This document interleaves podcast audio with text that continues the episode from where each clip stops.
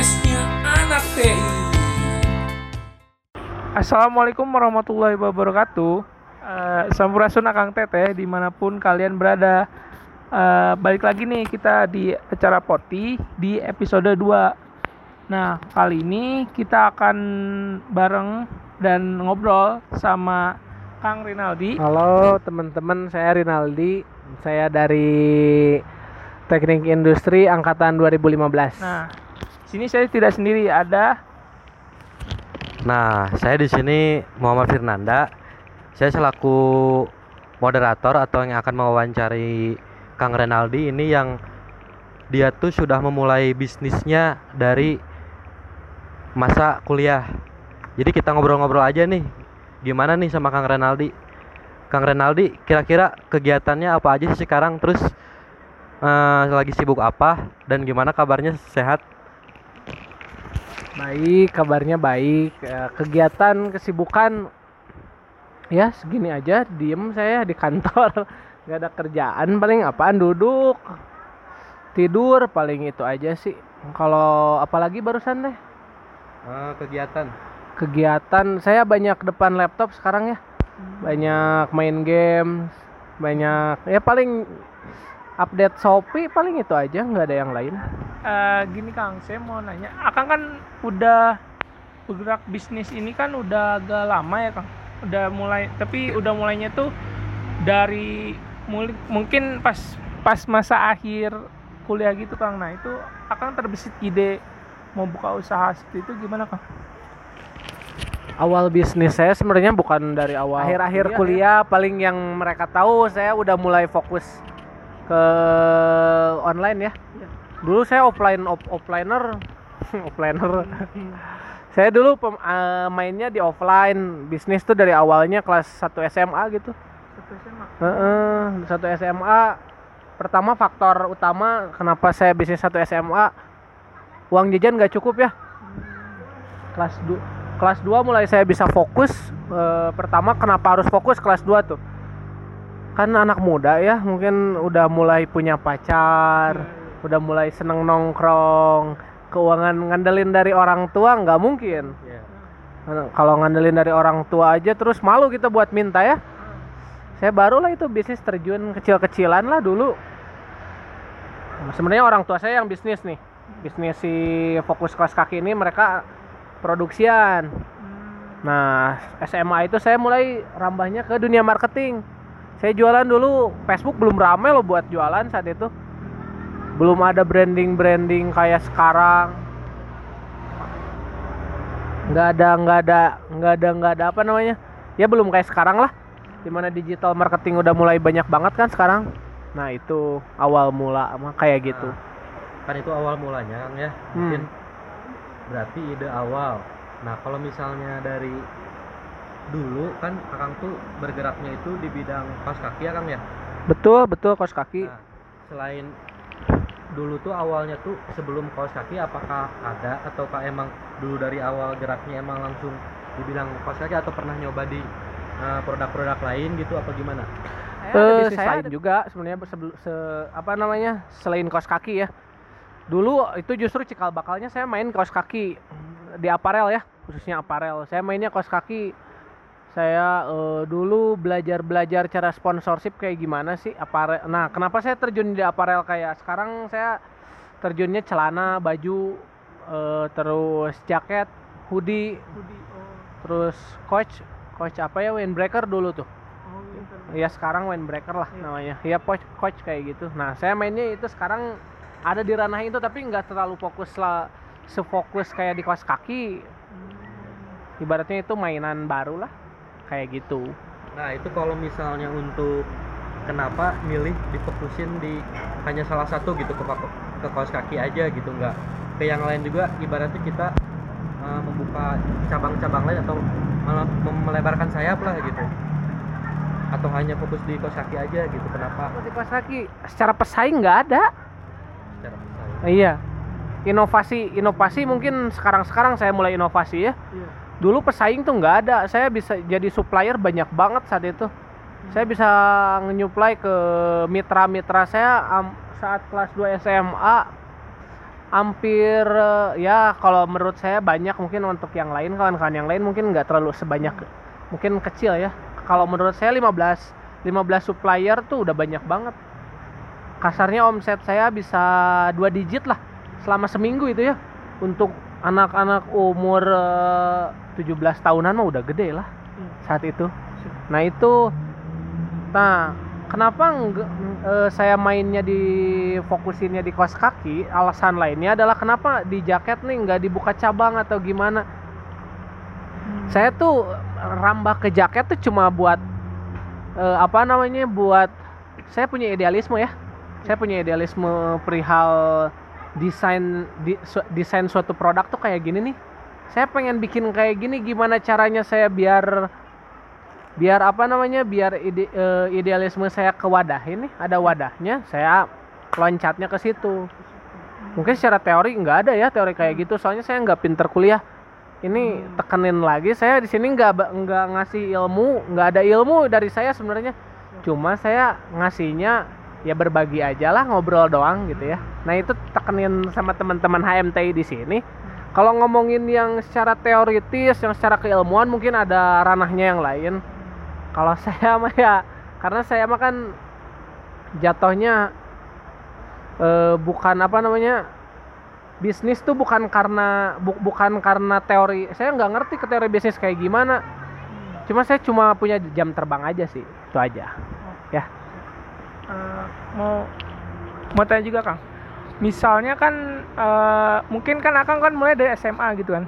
Nah pas SMA itu kan mungkin eh, tren kaos kaki yang mungkin kalau menurut saya kang ya bisa dibilang gaya klasik itu mungkin belum ada peminat kurang peminatnya.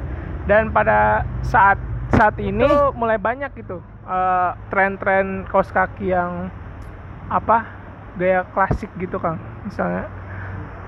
Itu akang inovasinya itu dari situ atau dari situ juga eh, timbul pesaing-pesaing yang lain gitu kang? Sebenarnya gaya-gaya kaos kaki tuh banyak banget ya. Kalau bisa diruntutin gitu. Eh, dulu awal mula saya terjun tuh yang lagi happening yang lagi booming tuh ya ya yang sebenarnya kalau misalkan ngomongin happening dulu lagi fasenya lagi mulai-mulai kaos kaki muslim tuh yang jempol-jempol kayak gitu kalian tahu kan? Nah secara demanding banyak banget kan? Saya dulu nggak fokus ke desain sebenarnya. Buat nggak buat apa namanya buat ngatur desain biar bagaimana diferensiasi kita biar beda malahan saya nggak tahu itu apa diferensiasi karena kuliah aja tahu gitu ya. Karena kuliah jadi tahu oh diferensiasi itu kayak gini ternyata. Eh dulu saya nggak ngejar desain dulu saya ngejar ya demand dari pasar kayak gimana. Kenapa kayak gitu? Pertama karena eh, bentuk pesaingnya kan dikit ya. Paling yang paling terka adalah saya nggak mau nyebutin brand ada beberapa brand yang udah terkenal gede banget saat itu nah ngomongin ngomongin inovasi. Inovasi inovasi yang saya jual eh, saat ini adalah mulai dari patternnya beda mulai dari bahan baku yang jadi beda gitu. kalau misalnya akan kan lebih memilih dari segi permintaan ya atau demand tersebut.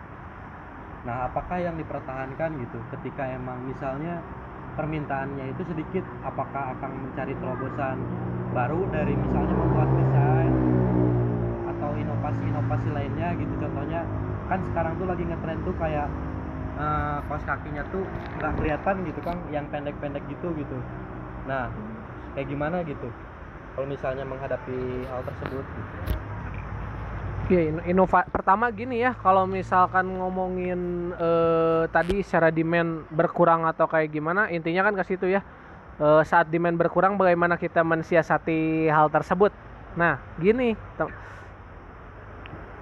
kita nggak bisa paksa customer atau kita nggak bisa eh, paksa pasar buat terus belanja yang kayak gini. Tadi benar harus ada inovasi. Pertama, saya kan banyak banget eh customer atau mitra-mitra saya ya, yang soalnya saya nggak make to stock. Saya fokusnya make to order aja. Pertama kita eh, kebetulan saya udah deket banget sama mitra ya. Soalnya saya nggak nganggap mereka tuh sebenarnya kalau ngomongin mitra kan ada keterkaitan hanya dalam keterkaitan doang ya. Saling menguntungkan satu sama lain gitu ngomongin di era pandemi kayak gini penurunan demand itu sampai 70% lah. Banyak banget uh, yang udah masuk tiba-tiba cancel penurunannya sampai kayak gitu. Inovasi kalau misal ngomongin inovasi si kos kaki kos kaki kan bakal kayak kayak gitu aja doang. Tapi saya ngomonginnya sekarang di variasi si kos kakinya kayak gimana?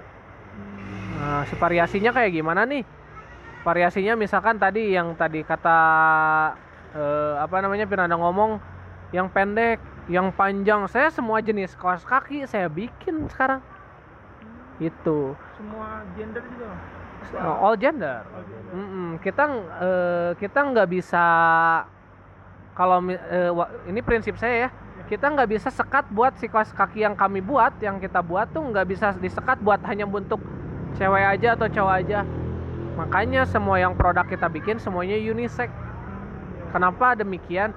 Biar pangsa pasar kita tuh bisa masuk. Paling dari segi desain ya yeah. kita harus mainin. Nah inovasinya selain di apa kategori si produknya banyak kita mainnya di segi warna segi desain biar bisa lebih masuk.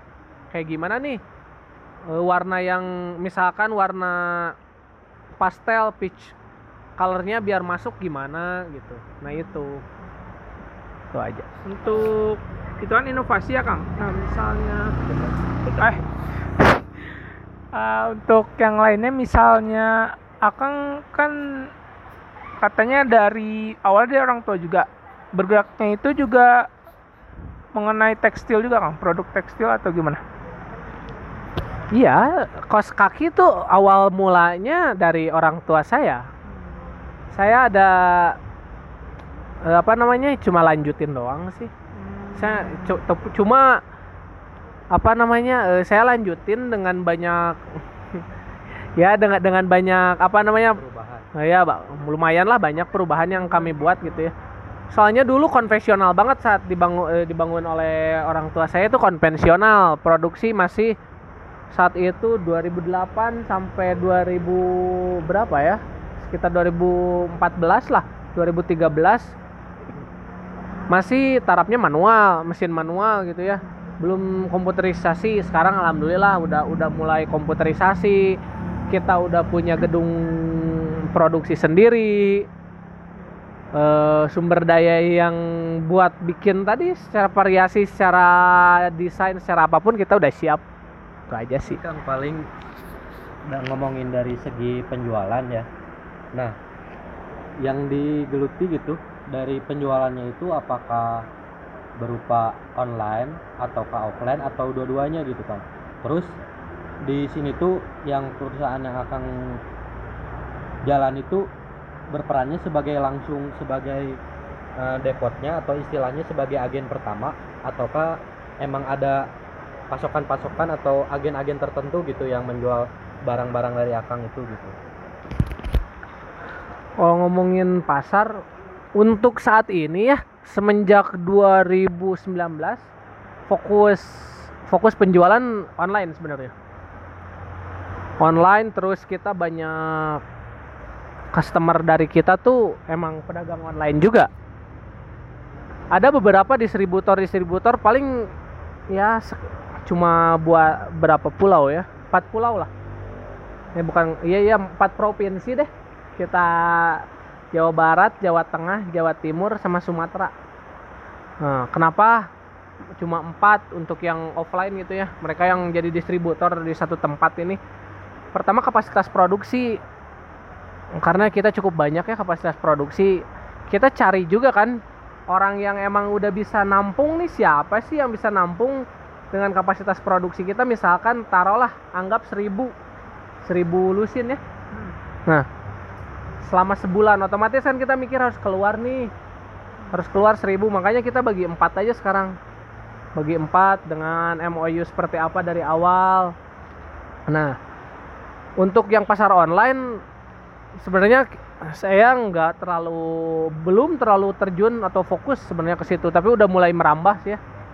Saya bangun Volka saya bangun yang lain.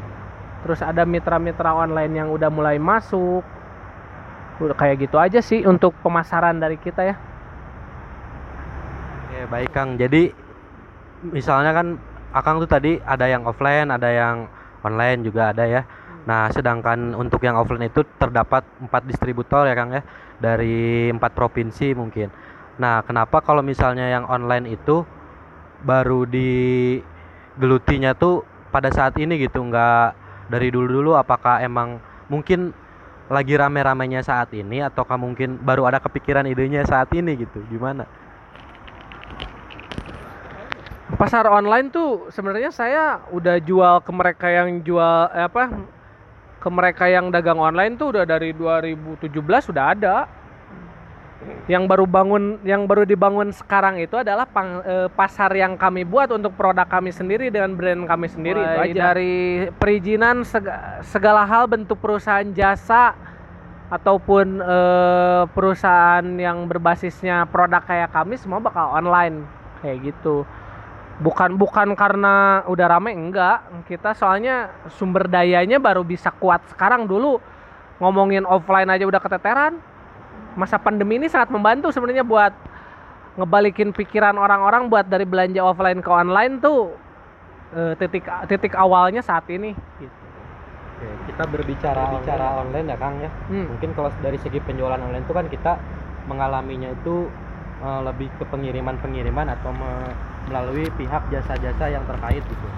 Nah, dari Akang sendiri dari usahanya ini apakah dari pihak gudang atau di dari sistem logistiknya itu sudah mempunyai kayak ibaratnya yang pengirim ekspedisinya itu sudah ada ataukah masih me- menggunakan jasa-jasa dari pihak luar gitu. ada lah kita kerjasama am, tiga perusahaan buat pengiriman nih. Kalau misalkan online kan kayak gitu kita apalagi ada di marketplace ya udah pakai yang itu aja. Khususnya yang offline kita pakai tiga ada perusahaan yang udah kerjasama dari dulu sih dari 2000 berapa ya 13 kita udah kerjasama sama tiga perusahaan itu buat pengiriman luar pulau buat eh, apa namanya ya khususnya pengiriman lah Jadi cara logistik mah jadi berarti sudah bekerja sama ya dengan mitra berarti ya. Iyalah, kita kalau misalkan nggak kerja sama susah juga. Pertama dari segi ongkos kita nggak bisa nggak apa namanya tiba-tiba kalau misalkan kita pakai kayak pengiriman biasa misalkan kayak yang biasa dipakai kalian beli online ya mahal lah. Sementara pengiriman kita kan dengan kuantiti yang cukup gede, kiloan bakal berat banget. Nah gitu, ngaruhnya nanti ke harga jual kita kan. Oke. Tadi tentang pengiriman, kan kita itu ada alur-alurnya tersendiri ya ya. Dari mulai kita bahan baku, dari mulai hingga pembuatan produk sampai hingga produk tersebut mencapai ke pelanggan. Nah, Akang bisa ngejelasin nggak dari mulai alur proses bisnisnya itu dari mulai pertama adanya bahan baku hingga produk tersebut tuh nyampe ke customer gitu. Iya, ya sebenarnya standar-standar aja sih ya. Kita kerjasama dengan pihak bahan baku, supplier ya. Ada berapa sih? Banyak lah kita supplier, tapi untuk saat ini di 2020, 2021 medio itulah kita fokusnya pembelanjaan tuh kebanyakan dari luar ya, dari luar negeri. Pertama, kita nggak bisa beli bahan lokal dengan harga yang sekarang beredar di pasaran gitu. Tapi enggak lima enggak apa namanya tidak 100% kita pembelanjaan di luar enggak. Paling ya 5 50-50 lah 50-50 kita belanja. Pertama untuk harga pasar sebenarnya sakit semua ya industri yang lagi berjalan saat ini. Eh, sakit banget itu. Pertama ya kalian tahulah sendiri harga harga produk yang saya bikin di pasaran khususnya di marketplace dengan harga yang sedemikian rupa ya. Kita harus bersaing secara industri lokal gitu, kita harus bersaing. Salah satunya cara ya udah kita ikut ke kolam itu, kita ikut ke kolam, kita ikut renang juga di situ. Kita ikut sikut-sikutan di situ gitu. Nah, itu. Dulu sebenarnya kita alur alur alur apa namanya alur distribusinya enak. Dengan dengan dengan apa dengan industri lokal khususnya. Industri penunjang yang lain kayak bahan baku yang kita buat. Semua ada di Indonesia Cuma dengan har harganya yang emang bisa masuk akal gitu ya ujung-ujungnya kita kontraknya sama luar aja udah. Jadi tadi kan berlanjut yang tadi ya kalau mengenai bahan baku yang akan ambil dari luar itu biasanya bahan bakunya itu jenis apa dan diambilnya dari negara mana?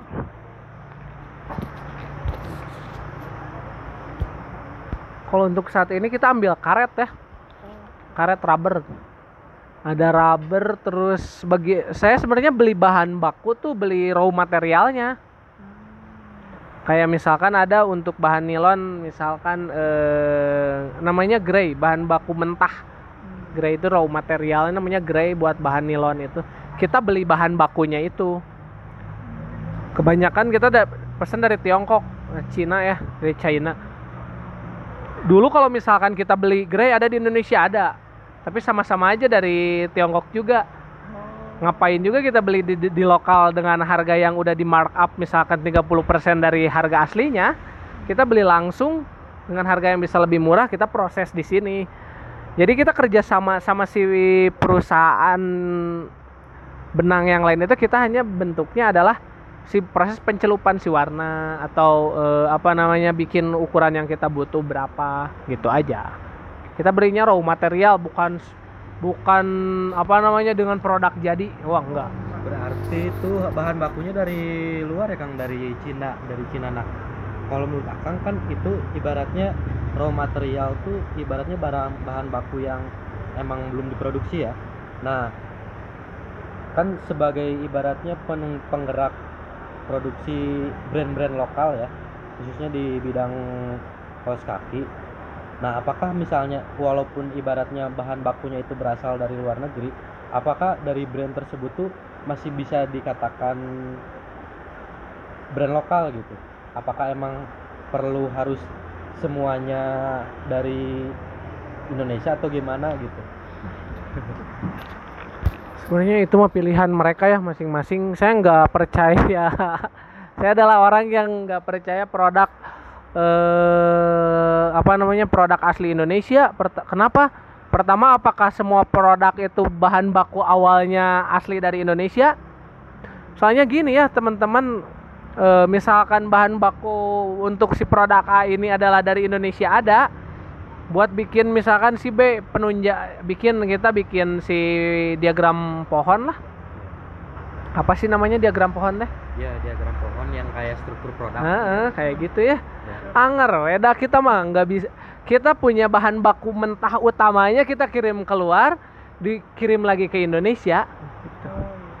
kayak gitu gitu apakah di Indonesia nggak bisa misalkan untuk produk yang bahan baku yang buat produk yang saya buat bisa tapi apakah harganya bakal cukup enggak suruh siapa dikirim keluar? Kalau kalau misalkan saya adalah konglomerat mungkin saya semua proses sendiri di dalamnya di dalam negeri gitu. Ngomongin apakah harus dari Indonesia ya silahkan pilihan itu. Selama dia punya usaha di dalam negeri di Indonesia sama, uh, selama dia jual di dalam negeri atau mungkin bisa jual luar mengatasnamakan Indonesia ya itu produk lokal lah kita harus support tadi kan udah bahas nih tentang bisnis akan dari mulai dari awalnya dari naik turun produksinya atau bahan bakunya Nah, kau pernah nggak sih di titik terendah pada saat membangun usaha ini itu? Di titik itu, itu kenapa? Ada. Pernah sih. Titik terendah pernah lah. Semua orang semua orang pernah ada di posisi itu ya. Iya. Namanya bisnis tuh apa ngajalanin usaha semua kalian nggak pernah e, mungkin kalian nggak pernah bakal stuck di satu titik kalian. Misalkan soalnya gini ya buat saya tuh namanya usaha itu nggak ada titik suksesnya di mana atau titik kita udah mapan di mana enggak semua harus semua harus dituntut buat ada di posisi tertekan terus ataupun di bawah terus. Saya pernah saat itu 2000 2014 kelas 3 SMA saat itu saya mulai pegang usaha. Modal habis. Modal habis karena kenakalan remaja lah. Kenakalan remaja saat itu saya dari omset yang sekian tiba-tiba sekian. Dari asalnya dua misalkan cuma jadi satu gitu ya. Pernah saya di posisi itu karena ya mungkin namanya muda ya 18 tahun lah saat itu. Belum menginjak ke 20 tahun masih seneng main masih seneng itu produksi nggak dikontrol karena semua fokus kualitas nggak dijaga ya tiba-tiba terjun bebas Nah, tiba-tiba saya lulus tuh saat itu lulus buat kuliah nggak ada, nggak ada uang buat kuliah. Terpaksa kita harus bikin inovasi-inovasi baru kan. Gimana sih caranya nih biar ngedongkrak lagi si ini si perusahaan ini kita saya jual mesin saat itu. Jual mesin yang awalnya manual saya ganti ke si komputer. Saya nggak nggak ada pilihan lain saat itu. Kenapa? Karena saya udah males mikir di manual. Saya males kan orangnya, pemalas gitu mungkin teman-teman jangan di jangan, jangan dicontoh ya ini hal jelek dari saya pemalas banget gitu saya males buat observasi ini gimana sih nah saat tiba-tiba saya jual semua 40 unit saat itu saya jual.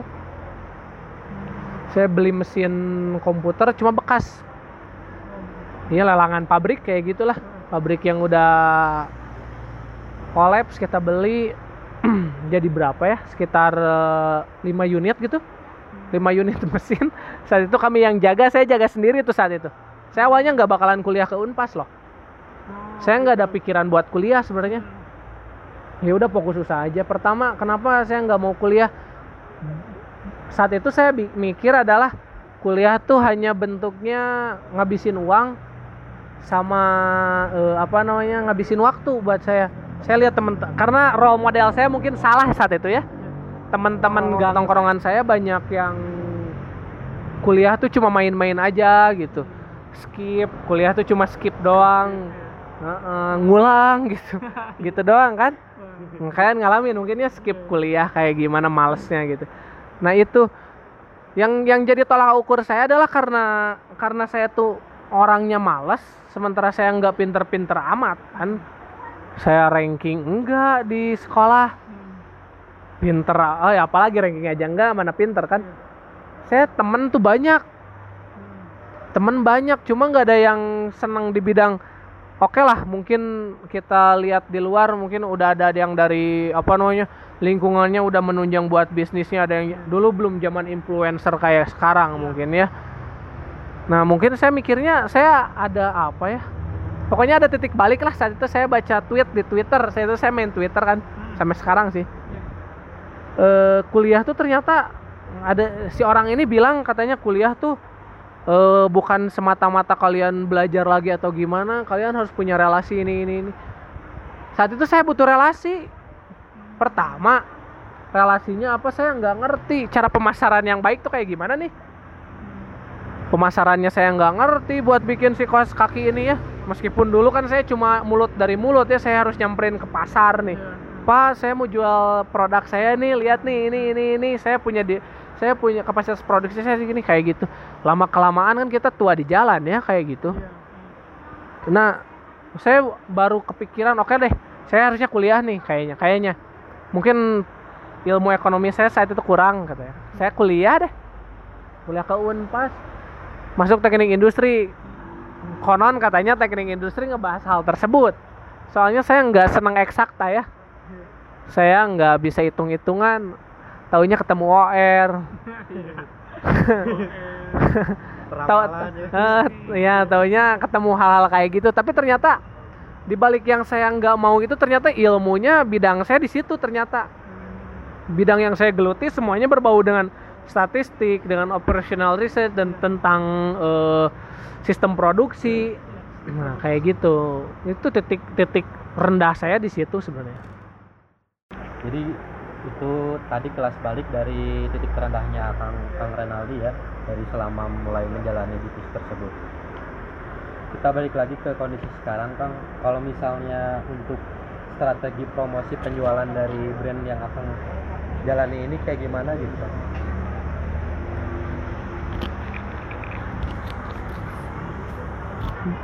Kalau ngomongin strategi semua soalnya gini ya. Kita tuh nggak bisa ngasih untuk saat ini saya ngejalanin si strategi yang kami buat di perusahaan saya atau di tim pandemi kita gencar banget ngasih promo loh. Promo promo promo promo. Tahu-taunya malah gini ya pasar pasar kita tuh kan perlunya edukasi ya. Iya. sebenarnya sebenarnya yang kita harus buat yang kita harus rubah dari pola pikir kita nih sebagai ya, kalau ngomongin bangsa terlalu jauh ya mungkin dari teman-teman. Kita harus ngasih edukasi lebih loh. Khususnya yang buat teman-teman yang ngasih yang punya jualan punya ini punya itu. Ya gini aja ya. Kalau misal eh, kita kalau bandingin produk yang saya jual misalkan dengan harga 50.000 di pasaran di marketplace Shopee, Tokopedia, Lazada ada yang jual cuma 8.500 kos kaki kita produk kita yang jual 50.000 secara akal sehat mungkin mereka ka- kalau nggak kasih edukasi kalau nggak ngasih pengertian bahwa produk yang kami buat tuh beda sebenarnya. Dari segi apa beda? Dari segi produksinya beda loh bahan bakunya beda prosesnya beda. Tapi harganya eh, pasti beda dong. Nah kayak gitu ya. Dari kualitas pun bakal beda nah sementara pasar kan gak mau nerima hal itu boy. Pasar tuh cuma taunya ya saya mau beli yang murah yang namanya kos kaki kan diinjak ya. Iya. orang tuh nggak awareness ke situ nggak aware loh. Nggak ada sisi dia perhatian ke hal itu gitu. Nah dulu saya bikin promo dan ternyata promo menu- eh, promo berpengaruh banget loh. Tapi dengan syarat si promo itu harus kalian selingi dengan beberapa konten-konten yang kalian mau jual. Kita sih kayak gitu misalkan promo nih promo kita buat eh, naikin insight misalkan kalau saya sih waktu awal pandemi kita ngasih promo 10% dengan eh, minimal pembelian. Otomatis omset yang kita dapat lebih gede ya. Yang kedua kita kasih promo dengan syarat harus apa bikin tag apa atau apa bikin campaign apa biar si produk kita secara tidak langsung bisa eh, si branding kita brand image kita bisa lebih naik. Akhir-akhir ini promo tuh kita nggak bisa kayak gitu terus. Semua kan dinamis ya. Namanya marketing tuh kayak kita kayak ngejalanin kayak ngejalanin paham lah. Kayak ngejalanin ide gitu. Ide kita kalau misalkan kita nggak bisa ngasih pro untuk saat ini saya nggak bisa ngasih promo untuk terus berlanjut tak tak tak tak. Kayak di marketplace nih. Empat empat tiga tiga dua dua satu satu sampai dua belas dua belas semua promo nih. Iya. semua digoreng boy. Potongan bakal lebih gede sebenarnya. Kita dituntut buat ngeluarin lebih banyak tapi dengan eh, apa namanya? Dengan potongan yang cukup gede juga gitu. Pinter-pinternya kita mainin marketing sisi marketingnya kayak gimana. Sekarang kita eh, untuk fokusnya lebih ke edukasi aja dulu. Edukasi nih gimana nih si apa namanya si produk kita bisa lebih ngejualnya. Nah gitu. Makanya banyak banget sekarang kalau misalkan nggak ngedukasi kita bakal sama-sama aja kayak jualan di marketplace kayak gitu. Kita lebih ke mengedukasi nah apakah masih ada gitu tetap kayak misalnya media-media promosi iklan itu misalnya lewat apa gitu? Ataukah Instagram kah? Ataukah iklan-iklan melalui influencer atau bagaimana gitu kan agar si customer atau pelanggan tuh dapat mengetahui gitu produk akang tersebut. Iyalah pasti. Kalau misalkan secara marketing kita kita punya produk produk sebagus apa pun misalkannya berlapis emas tanpa ada marketing tanpa ada promosi yang ngapain juga? Semua bakal jadi hal hal konyol menurut saya sih. Saya ngiklan ya pasti ada setiap setiap orang tuh pasti punya pasti punya pikiran ke, si- ke situ deh kayaknya. Kalau misalkan mereka bener apa namanya bener ngejalaninnya gitu ya. Pertama penting banget loh iklan sekarang dengan media sosial yang cukup luas banget loh sekarang ya. Iya. kita bisa eh, kita bisa media sosial bebas banget sekarang. Udah sebenarnya ket- ketolongnya di situ. Ketolongnya di situ kita harus kita harus punya budgeting untuk marketing cukup gede untuk saat ini. Banyak banget kita harus bakar uang bukan bakar uang sebenarnya ya. Ya kewajiban sih atau mah. Kita harus kita harus ngiklan tuh penting sebenarnya. Kayak Facebook Instagram pengguna apalagi sekarang ada TikTok ya? TikTok. Nah TikTok. banyak viral-viral. Nah, viralnya mainnya di TikTok kan. Sebenarnya saya saya eh, ada sih, saya pun punya rencana buat mainin TikTok kayak gimana. Tapi nggak mungkin saya yang jalanin ya. Saya nggak saya nggak punya aplikasinya, saya nggak pernah tahu TikTok tuh kayak gimana. Mungkin nanti tim saya yang jalanin deh. rencana nggak Kang untuk ke depannya misalnya kan Akang sekarang bergeraknya di kaos kaki nah kaos kaki itu kan berhubungan dengan sepatu ya Kang ya nah apakah ada rencana nggak untuk ke depannya bikin brand misalnya eh, sepatu atau yang lain-lain gitu ada nggak Yang lain untuk saat ini belum ya. Pertama, kenapa belum? Saya kerjasama dengan eh, sebuah salah satu brand sepatu yang cukup gede di kota Bandung udah lama banget. Masa saya tiba-tiba jadi pesaing? oh iya Saya nggak bisa kayak gitu ya.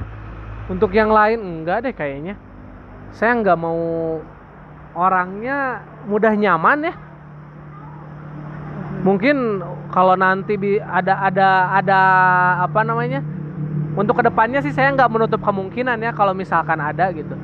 Tapi kalau misalkan untuk sekarang belum kayaknya. Soalnya saya cukup berhati-hati buat jalanin project baru. Mulai dari belum jelasnya keadaan pandemi ini kayak gimana. Soalnya sangat berpengaruh. Saya saya udah terlalu muak dengan keadaan si pandemi ini kali ya. Mulai dari aneh. Saya nggak mungkin deh buat tiba-tiba survive bangun hal baru. Sekarang sesinya saya buat bertahan bukan buat bukan bu- untuk saya ya. Bukan untuk hal hal bangun hal baru gitu tapi untuk ke depannya sih insya Allah mungkin bisa aja kita bisa collabs atau kayak gimana gitu kita tunggu aja nanti berarti tapi untuk saat ini masih belum ada ya Kang ya untuk saat ini belum sih Oke Kang, untuk sesi selanjutnya ada pertanyaan-pertanyaan yang ah, yang kita tampung di Instagram. Yang pertama dari Fajar Yusuf 15. Sikap apa yang harus dimiliki seorang pebisnis, Kang? Bukan pebisnis cara murni ya saya enggak sih. Saya bukan pebisnis sebenarnya. Saya hanya apa ya istilahnya pokoknya saya main-main aja. Tapi main-main itu men- Ada. menghasilkan duit gitu kan? Iya saya seneng aja gitu. Saya seneng bereksperimen aja gitu. Kalau bikin kosek kayak gini laku nggak ya? Atau bisnis jualan bisnis ini bakal laku nggak ya? Dan ternyata eh, laku ya alhamdulillah gitu. Sikap yang sikap yang harus dimiliki buat semua orang sebenarnya bukan seorang pebisnis aja. Mau belajar aja sih itu aja. Gitu. Sama ya Kang ya pertanyaannya dari Kang Iqbal sama Kang Bagja. Ini pertanyaannya itu Kang Komeng atau Kang Rinaldi gimana caranya buka bisnis tanpa modal Kang? Itu pertanyaan dari Kang Iqbal sama Kang Bagja Kang Bagja tanpa modal. Saya nggak ngerti ya konsep bisnis tanpa modal tuh kayak viral ya? Ada emang? Kurang tahu ini pertanyaannya, kurang iya. lebih seperti itu. Saya nggak ngerti bisnis tanpa modal tuh kayak gimana. Mungkin, le- mungkin yang dimaksud dari Kang Iqbal atau Kang Bagja ini mungkin dia dari relasi gitu Kang. Oh. dari relasi relasi relasi relasi kita menciptakan sebuah ide atau inovasi. Nah kita di situ bikin bangun eh, usaha masih eh bareng-bareng gitu Kang mungkin yang dimaksudnya itu seperti itu gitu. Tapi dengan modalnya tetap ada modal tapi dengan modal-modal yang ibaratnya minimum gitu Kang kayaknya seperti itu. Hmm, iya. Sebenarnya semua bakal bakal ada modalnya. Mau maksimum mau minimum. Ya dulu aja saya modalnya cuma kawani aja. Kawani itu apa? Keberanian. Keberanian. Saya cuma eh, saya ngandelin itu aja. Saya nggak dulu waktu bangun Volca tuh si brand saya ini saya nggak punya modal cuma nggak punya modal speser pun saya cuma modal datang ke teman-teman saya mau bikin kos kaki ini nih. Gimana nih mau beli nggak? Berapaan? Sekian. Oke beli deh. Tapi nanti minggu depan ya duit nahela ya uangnya dulu. Karena di orang-orang yang terdekat dulu nih oke mereka bayar bayar bayar. Saat itu 600 ribu gitu. 600 ribu saya beliin bahan bakunya 600 ribu saya bikin sendiri kita jual. 1 sampai sekarang tuh modalnya dari 600 ribu uang mereka ya mungkin kayak gitu ya yang tanpa modal tuh Berarti sistemnya mungkin lebih ke pre-order ya Kang ya. Uh, uh, bisa sih banyak sekarang ya kita datang jadi reseller jadi dropshipper modal diem doang kan itu Ada pertanyaan pertanyaan lagi nih Kang dari eh, Dwi underscore AGR. Hal pertama apa yang harus kita lakuin ketika kita mau memulai bisnis? Nah hal pertama? Hal pertama apa yang harus kita lakukan? ya harus tahu dulu kita mau bisnis apa ya. Tiba-tiba mau bisnis tapi nggak tahu kita mau bisnis apa gitu. Harus tahu dulu lah objek yang akan kita bikin bisnis tuh kayak gimana.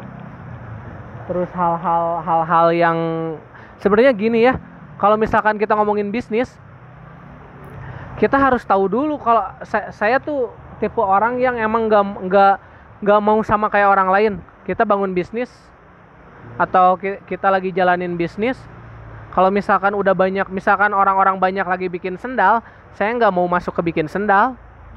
Pertama pesaing kita terlalu banyak. Kedua terlalu riskan lah buat naikin si brand kita. Yang pertama itu kita harus tahu diferensiasinya apa kita harus tahu objek yang mau dibisnisin kita tuh apa tuh apa nih.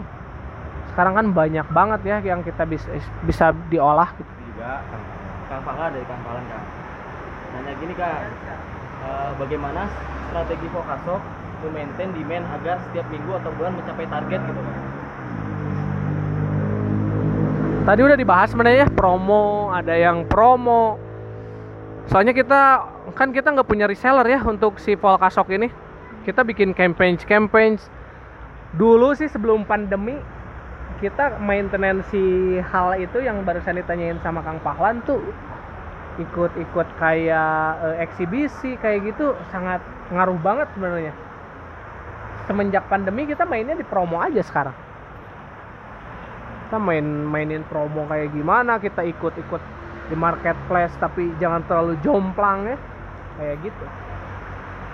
Semua mainnya di konten sih ya kita bikin ke strategi pemasarannya itu kita Nah. harus lebih detailin lagi mungkin. ya. betul dulu kan kita jumawa ya brand-brand lokal tuh jumawa banget taunya ada pandemi kan semua malah jadi bumerang ke diri sendiri ya kalian bisa tahu lah atau mungkin bisa lihat berapa persen promo yang keluar dari brand-brand lokal khususnya yang gede banget multinasional aja sekelas mobil aja brand-brand gede tiba-tiba promonya gila-gilaan kan faktor pandemi itu kayak gitu Emang emang saya juga sih lihat gitu Kang ya dari brand-brand lokal tuh emang ada yang sekarang tuh promosinya tuh gila-gilaan gitu Kang. Hmm. Hampir ada yang lebih misalnya dari harga 500.000 ribu awal harganya tuh sekarang dijualnya mereka tuh pada menjual jadi 250.000 ribu gitu emang iya karena pandemi ini mungkin seperti itu Bisa jadi ya. Pertama, pandemi ini kan sangat berpengaruh. Lapangan kerja intinya lapangan kerja yang cukup berkurang mungkin jadi daya belinya mereka jadi turun juga. Kan kita tuh perilaku- perilakunya konsumtif banget sebelum pandemi ini ya. Tiba-tiba kita nggak ada penghasilan lain, mungkin kita nggak saya nggak tahu sih. Ya berpengaruh ke semua aspek, semua objek pasar berpengaruh. Itu sih. Makanya kita mainnya promo aja maintenance untuk saat ini. Oke, terakhir nih Kang ada pertanyaan dari Day Diva. Nah, dia tuh bertanya Kang bagaimana gitu caranya menarik minat dari investor gitu Kang ketika misalnya mulai memulai merintis usaha. Misalnya dia tuh pengen usaha tapi mungkin modalnya sedikit. Kita gimana cara menarik investornya gitu Kang? Investor anjir itu bukan investor nih. Semua modal sendiri. Pertama kalau ini ini saya bayangin kalau misalkan saya jadi investor, saya harus tahu dulu sih konsep bisnis yang mereka buat tuh kayak gimana sih? Yang tawarin ke saya dari segi proposal, dari segi produk, diferensiasinya kayak gimana nanti. Nanti 10 tahun ke depan atau lima tahun ke depan si brand ini atau si produk ini bakal dibuat kayak gimana. Harus penuh kejelasan lah. Kalau misalkan nggak jelas ya ngapain juga? Kalian bisa nonton startup deh gimana? Startup ya nah kayak gimana gitu? Eh eh, ada filmnya ya startup ya? Ada. nah kayak gitu mungkin. Soalnya pertama saya belum pernah punya investor yang cukup yang investor dari luar atau kayak gimana saya nggak punya. Saya bangun bisnis tuh eh, semuanya organik. Punya modal 300 ribu ya udah 300 ribu itu diputerin. Kenapa saya nggak nggak mau punya investor saya nggak nggak mau idealisme saya tuh terkeka apa namanya idealisme saya dibagi ke orang atau tiba-tiba jadi yang yang ngerasain pahit pahit manisnya cukup diri saya aja jangan yang lain. Saya belum punya belum punya keberanian buat oke okay, saya jual ini ide saya ke orang kalau e, mudah-mudahan ini goals kalau misalkan enggak kayak gimana gitu. Nah saya nggak ada di sisi itu untuk saat ini ya. Gitu. Oh, tanya juga nih kang. Kang akang e, e, salah satu brand lokal juga. Nah ada nggak kang harapan akang untuk brand-brand lokal ke depannya gitu? Saya pengennya mendominasi aja brand lokal ya. Kemarin tuh saat pandemi kita lihat lah produk brand-brand lokal produknya. Sebenarnya gini eh, kita tuh nggak nggak punya campaign yang menarik untuk buat brand lokal kayak kemarin kan sepatu udah naik nih. Iya, sepatu. Sepatu lokal atau brand-brand yang lain lagi naik naiknya cintai produk lokal. Didukung pakai produk eh, pakai apa? Di Instagram ada tag-tag buat produk lokal kayak gitu ya. Kita tuh harusnya dari dari apa namanya dari campaign itu tuh makin gede lagi harusnya. Tiba-tiba melempem lagi melempem lagi. Banyak un, banyak unsur-unsur yang jadi hal kayak gitu kita pengennya produk lokal ya mendominasi lah di rumahnya sendiri. Kayak misalkan sekarang yang kalian pakai aja outfit yang kalian pakai apakah semuanya bisa dibilang lokal? Oh enggak. Mungkin dari baju oke lah baju saya lokal nih. Celana saya lokal. Cuma sepatunya nih belum lokal. Saya pengennya mendominasi aja semua lah. Terus pengen banyak saya pengen banget banyak yang yang beres kuliah tuh jangan mikirinnya kerja.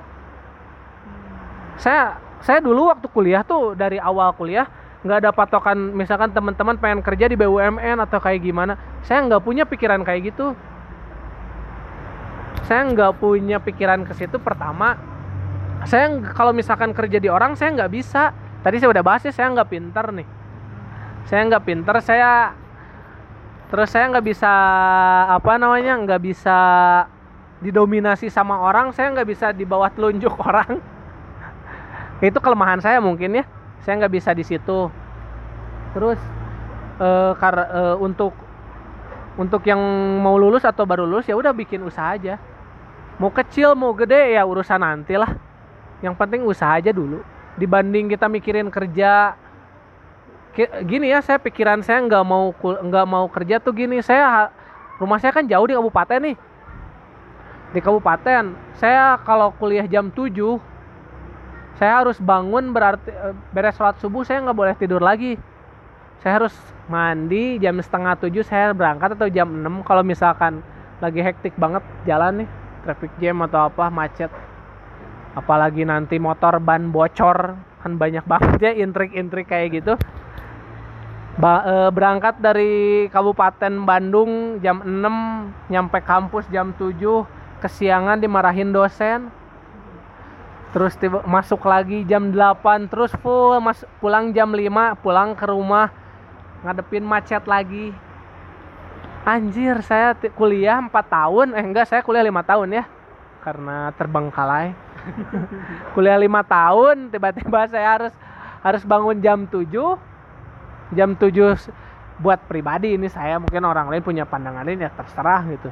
Terus bangun jam 7 pagi kerja dimarahin bos karena tidak sesuai target misalkan. Sore pulang macet-macetan saya nggak bisa. Kayak gitu. Pikiran saya ya alah kuliah saya lima tahun saya nggak bisa deh kayak gitu. Nah, kayak gitu. Uh, mungkin dicukupkan ya untuk pertanyaan seputar bisnisnya saya sekarang mau nanya untuk mungkin pertanyaan terakhir hmm. ada saran ataukah harapan mungkin yang lebih baik gitu untuk podcast HMT ini untuk ke depannya gitu bagaimana Mungkin dari segi konten ya. Konten ya diperbanyak aja.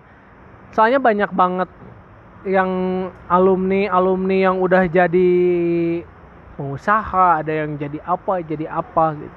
Cara konten mungkin diperluas bisa mungkin ya. Terus eh, sumber daya mungkin ya boleh minta deh. Masa kalian HMTI nggak punya mikrofon? Kalau misalkan lahan mungkin ada ya. Pengajuan atau Pak Kahim bisa meren buat ya kenapa eh, apa inventarisir uang uang kan banyak mungkin ya. Ya uang unpas saya kan nggak tahu. Bisa mungkin buat mic ini cuma pakai apa sih? Mikrofon. Eh, pakai headset. Ala kadarnya kasihan banget segede HMTI bisa lah menurut saya. Eh, terus masukin banyak masukin itu atau ads di dalamnya teman-teman eh, teman-teman apa nama mahasiswa yang lain yang punya usaha pengen dipromoin di di apa namanya di Podti namanya? Di Podti ini udah banyak ya bisa kali. Ngasih ad slip. Udah berapa yang dengerinnya banyak? Kalau yang saya kemarin lihat untuk terakhir podcast itu sekitar baru ada 100 orang tuh masih sekitar segituan sih Kang. Masih belum terlalu banyak gitu. ya paling media promosi. Kalian juga berseratus sayang kan ya? Mahasiswa TI ada berapa? Kalau dari angkatan yang aktif mungkin kurang lebih 1000 orang itu le- ada kayaknya Kang. ya tuh minimal 40% yang dengerin kalian di Ku- kuncinya apa ya? Tadi konten kalian harus bagus. Saya pengen apresiasi lebih sebenarnya ya. Ya paling ini ini tuh nggak tahu ya saya nggak tahu kalau misalkan eh, si Poddi ini jadi ajang komersial atau kayak gimana gitu. Tanggapan yang lain saya pengennya eh, media sosial yang kayak Poddi ini bisa diselipin ad slip di dalamnya. Misalkan apa kek yang jualan yang jualan nasi kuning gitu bisa di dalamnya. Kan minimal bisa membantu ya buat mahasiswa yang emang di Bandung gitu. Dia jualan nasi kuning misalkan. Oh dipromoin di sini nih. Nah, kan bisa. Gitu Ya Kang. Kalau misalnya untuk saran Akang untuk eh, narasumber ke depannya untuk podcast HMT ini kira-kira dari Akang ada nggak atau siapa gitu? banyak ya kalau misalkan saya kan banyak teman-teman 2013 2012 eh 2014 banyak kok yang mereka bangun bangun usaha ada yang dulunya seorang aktivis kampus saya sebut nggak nih namanya? Saya juga tahu disebut. ada yang dulu aktivis kampus sekarang ada yang melipir jadi seorang pengusaha. Ada yang mantan kahim jadi yang pengusaha. Banyak sebenarnya. Ya banyak sebenarnya. Saya seneng eh, saya seneng apa namanya ngobrol masih seneng ngobrol sama mereka.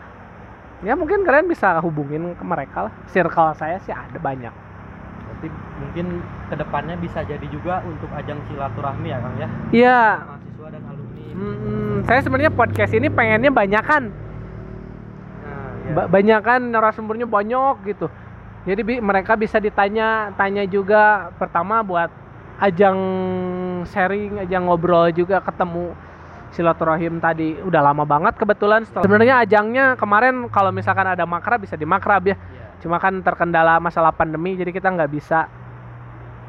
Ya itu bagus lah kalau misalkan yang lain. Mungkin atau di angkatan baru di angkatan muda di angkatan berapa sekarang? 20 2020. 20 ada yang jadi apa? Influencer ya? Kalian bisa tanya-tanya kayak apa? Nah, kita juga emang itu Kang rencananya emang kan kita belum mengetahui nih mahasiswa 2020 tuh orangnya kayak gimana aja sih. Mereka juga belum tahu kita, belum tahu angkatan-angkatan yang di atasnya atau kakak-kakaknya gitu. Nah, makanya kita tuh berusaha untuk eh, mengenalkan gitu walaupun tidak bertatap muka langsung tapi dengan silaturahmi itu mel- melalui podcast ini gitu Kang. Hmm, ya bagus lah kalau tujuan kalian kayak gitu mudah-mudahan menjadi barokah buat kalian ya saya sebenarnya nggak tahu juga angkatan 20 tuh yang mana kalau misalkan ketemu saya nggak kayaknya nggak kenal deh mereka juga. Akang saya juga tahu. ya. Mudah-mudahan pandemi segera usai deh. Kalian kebeli mikrofon. Ya. Ya. Ya. jangan pakai headset lagi kasihan Pak Kahim ini aduh. Oke.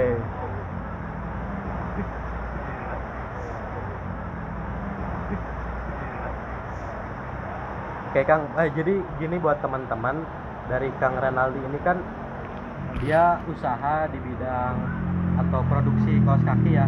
Namanya itu Volka Shop ya Kang ya. Nah untuk Instagramnya itu apa Kang? Ya pokoknya Polkasok aja, saya nggak mau nyebutin eh. Soalnya ini bukan ajang komersil HMTI ya. Pokoknya Polkasok aja. Nah, Ya, pokoknya kalau misalnya buat teman-teman nih yang lagi nyari kaos kaki ya silakan aja dilihat-lihat dulu barangkali berminat kan amin, aja amin, gitu kan. amin. Makasih loh. beli gitu. Oke. Oke, mungkin ada pertanyaan lain dari teman-teman. Eh, Kalau misalnya dicukupkan ya udah di di akhiri. Akhiri. Kang, saya mau nanya satu satu pesan terakhir ya Kang. Satu pesan terakhir untuk eh, mahasiswa-mahasiswa yang masih menjalani kuliah itu eh, mungkin dia punya ide bisnis itu punya, punya- mempunyai ide bisnis dan mau merealisasikannya itu punya tipsnya nggak Kang? tips dan triknya buat nanti ke depannya dia untuk membangun bisnis tersebut. Oh iya iya. Ya pertama kerjain. Jangan dipikirin aja. Ya action. Itu sih. Kalau ide kalian sebagus apa pun ya kalau nggak dijalanin mah ngapain gitu. Nah itu kayak kalian punya buku kalau nggak dibaca ya ngapain gitu. Nah kayak gitu. Bisnis pun kayak gitu. Kalian punya ide ya udah terapin. Mau berhasil mau nggak ya urusan nanti. Gitu. Terima kasih untuk Kang Renaldi atas sudah mau eh, mengisi podcast kali ini. Eh, saya Fahrul beserta Saya Enda. Saya Rehan. Eh,